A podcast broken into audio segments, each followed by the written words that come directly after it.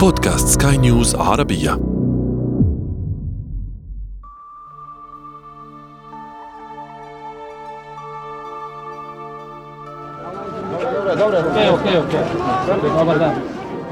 كيف حالكم؟ لحظة أرجوكم لا تقلقوا. كل من يرغب في البقاء يمكنه البقاء وأي شخص يرغب في الرحيل يمكنه الرحيل. هناك شاحنات وحافلات كافية. لكن أفسح المجال أولا للأطفال والنساء والعجائز. فقط بهدوء. انتبهوا أن تفقدوا أي طفل.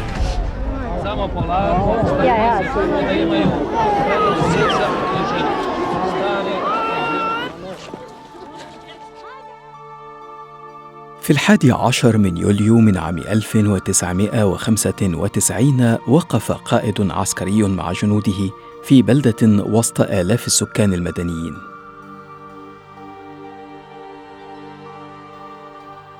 كان القائد وجنوده قد استولوا بالقوة على البلدة بعد ثلاث سنوات من محاصرتها في خضم حرب مدمرة كانت تستعر في المنطقة كلها.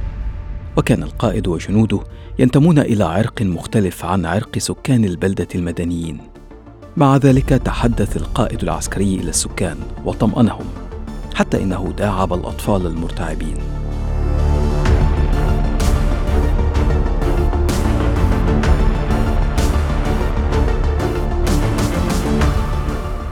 وزع جنود القائد حلوى ومبالغ مالية ضئيلة على الأطفال وساعدوا العجائز على ركوب الحافلات. لم يبقى في البلدة سوى الرجال. خلال العشرة أيام التالية سييتم ويرمل ويثكل القائد وجنوده كل طفل وزوجة وأم بالبلدة. سيقتاد الجنود كل رجل وشاب ومراهق ثمانية آلاف على الأقل ويفتحون النار عليهم. ستقع أسوأ مذبحة في أوروبا منذ نهاية الحرب العالمية الثانية. أهلا بكم. أنا عمرو جميل وهذا بودكاست بداية الحكاية. بداية الحكاية.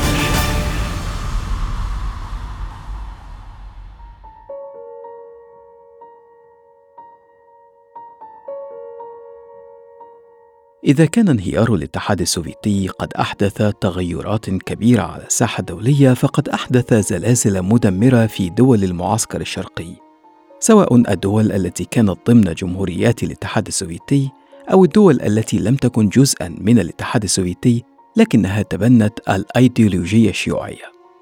وكان من بين هذه الدول ما عرف باتحاد الجمهوريات اليوغوسلافية الشعبية.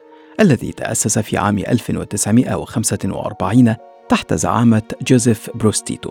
وضم ست دول هي سلوفينيا ومقدونيا والبوسنة والهرسك وكرواتيا والجبل الأسود وصربيا. بالإضافة لإقليمين يتمتعان بما يشبه الحكم الذاتي داخل صربيا هما فوفودينا وكوسوفو.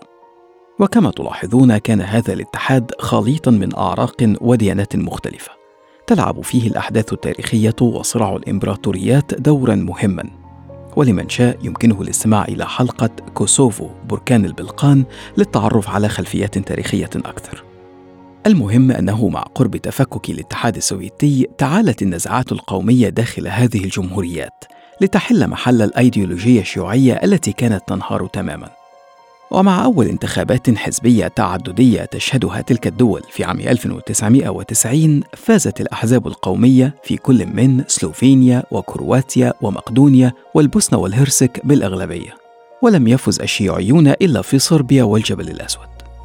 وهكذا تداعى الاتحاد اليوغوسلافي سريعا.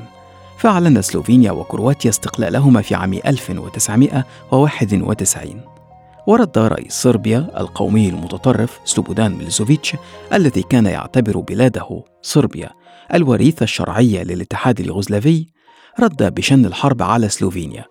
لكنه اضطر لسحب قواته بعد عشرة أيام فقط من سلوفينيا المتجانسة عرقيا.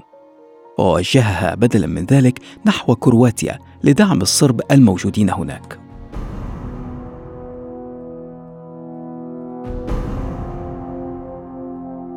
وبينما الحرب الصربية الكرواتية مستعرة نظمت البوسنة والهرسك في إبريل 1992 استفتاء شعبيا. أيد فيه البوشناق والكروات الاستقلال عن الاتحاد اليوغوسلافي بينما عارض صرب البوسنة ذلك. وبعدها بشهر واحد مايو 92 انضمت البوسنة والهرسك إلى الأمم المتحدة فأعلن صرب البوسنة استقلالهم في جمهورية صربية برئاسة رادوفان كراجيتش على الأراضي التي يسيطرون عليها. ثم فعل كروات البوسنة المثل لتندلع حرب مدمرة بين مكونات البوسنة والهرسك الثلاثة البوشناق المسلمون والكروات والصرب. لكن معادلة الحرب كانت معقدة بل شديدة التعقيد في الواقع حتى إنها ضمت حروبا عدة داخل الحرب الكبيرة التي اصطلح على تسميتها بحرب البوسنة. يعني صربيا أراد زعيمها سلوبودان ميلوسوفيتش إقامة دولة صربيا الكبرى على أنقاض يوغوسلافيا. فدعم صرب البوسنة في حربهم الانفصالية ونظمهم في ميليشيات ووزع عليهم أكثر من خمسين ألف قطعة سلاح.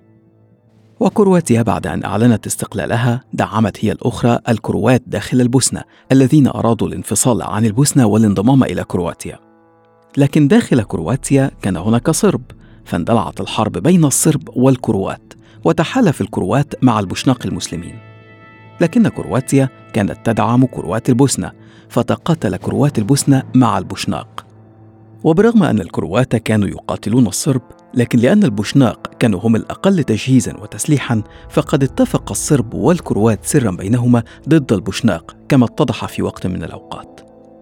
من الآخر تحولت المنطقة لنار حرب مستعرة يقاتل فيها الجميع الجميع. يقاتل الصرب الكروات والبوشناق ويقاتل الكروات الصرب والبوشناق ويقاتل البوشناق الصرب والكروات. ولا يحكم هذه الحروب سوى المصلحة بحيث إن حليف اليوم قد يتحول إلى عدو غدا لو اقتضت المصلحة. ثم يعود بعد غد إلى معسكر الحلفاء من جديد لو اقتضت المصلحة. والواقع أن كل ذلك كان نتيجة طبيعية لانهيار الاتحاد اليوغوسلافي. وانهيار الاتحاد اليوغوسلافي كان نتيجة طبيعية لسياسات جمعت بين أعراق كانت عوامل تفرقتها من الأحقاد والخلافات أكبر من عوامل وحدتها.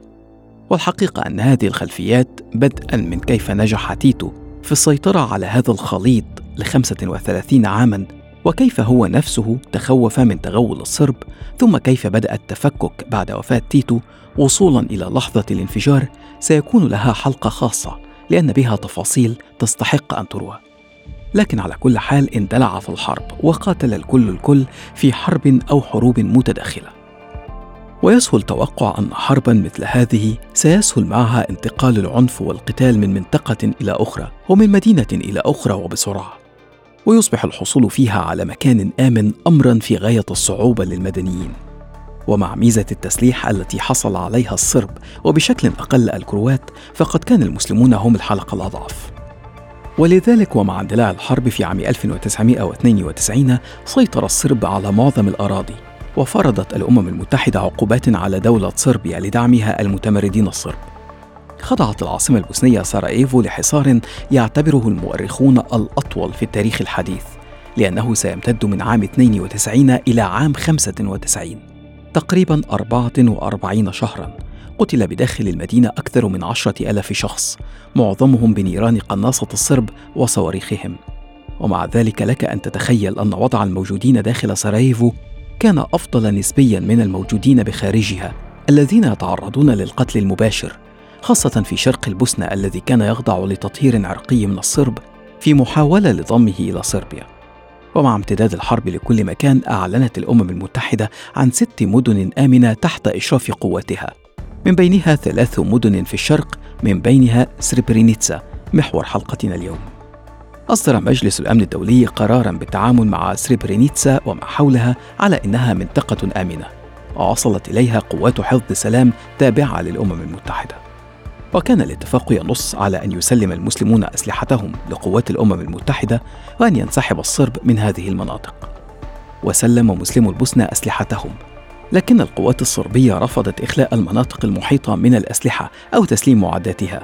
بل ضربوا على المدينة حصارا سيستمر حتى عام 95 فأصبح وصول قوافل الإغاثة إليها في منتهى الصعوبة. والغريب أنه تدريجيا انخفض عدد الجنود في الكتيبة الهولندية بالمدينة. وأجبروا على القيام بدورياتهم في المنطقة سيرا على الأقدام بسبب انخفاض حصصهم من الطعام والوقود والذخيرة. في وقت تزايدت فيه أعداد الجنود الصرب بالقرب من المنطقة. ولم يكتفي الصرب بذلك. في مارس 95 أصدر زعيم صرب البوسنة رادوفان كراديتش أمرا بمحاصرة سريبرينيتسا ومنع وصول قوافل الإغاثة تماما وخلق حالة من انعدام الأمن واليأس بين المدنيين في بقائهم على قيد الحياة. وبحلول منتصف عام 95 أصبح الوضع الإنساني مأساويا وبدأ المسلمون البوشناق المحاصرون في سريبرينيتسا بالموت جوعا.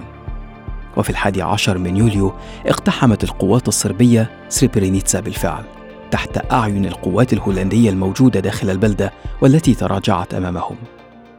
وفي مساء الحادي عشر من يوليو 1995 لجأ ما بين 20 إلى 25 ألف بوسني لمجمع الأمم المتحدة طلبا للحماية. لكن الهولنديين رفضوا السماح باستقبال أي لاجئين. كانت المذبحة محسومة مسبقا. فصل الصرب كل من هو دون السادسة عشر عاما من الرجال عن الأطفال والنساء. وعلى مدار أسبوعين ارتكبوا مذبحة كاملة الأركان. قتلوا أكثر من ثمانية ألاف رجل ومراهق. والواقع أن ما حملته شهادات الناجين مرهق جدا نفسيا لذلك لن أفصله. لكن ما حدث كان إبادة جماعية وجرائم ضد الإنسانية بكل معنى الكلمة من قتل لاغتصاب جماعي لذبح للأطفال لتقطيع لأجساد الضحايا وتفريقها في أماكن عدة لإخفاء الجريمة والتضليل المحاكم حدث كل ذلك بينما لم تحرك القوات الهولندية ساكنا للدفاع عن مسلمي البوسنة. انتهت حرب البوسنة بالتوقيع على اتفاق دايتون في عام 1995 بعد الحرب أصدرت المحكمة الجنائية الدولية ليوغوسلافيا السابقة أحكاما بالسجن مدى الحياة على كل من سلوبدان ميليسوفيتش رئيس صربيا وردوفان كراجيتش زعيم صرب البوسنة وراتكو ملاديتش قائد قوات صرب البوسنة. وفي 2022 قدمت هولندا اعتذارا لإخفاق قواتها في الحيلوله دون وقوع الإبادة الجماعية فيما أصبح يعرف الآن بمذبحه سريبرينيتسا بداية الحكاية, حكاية.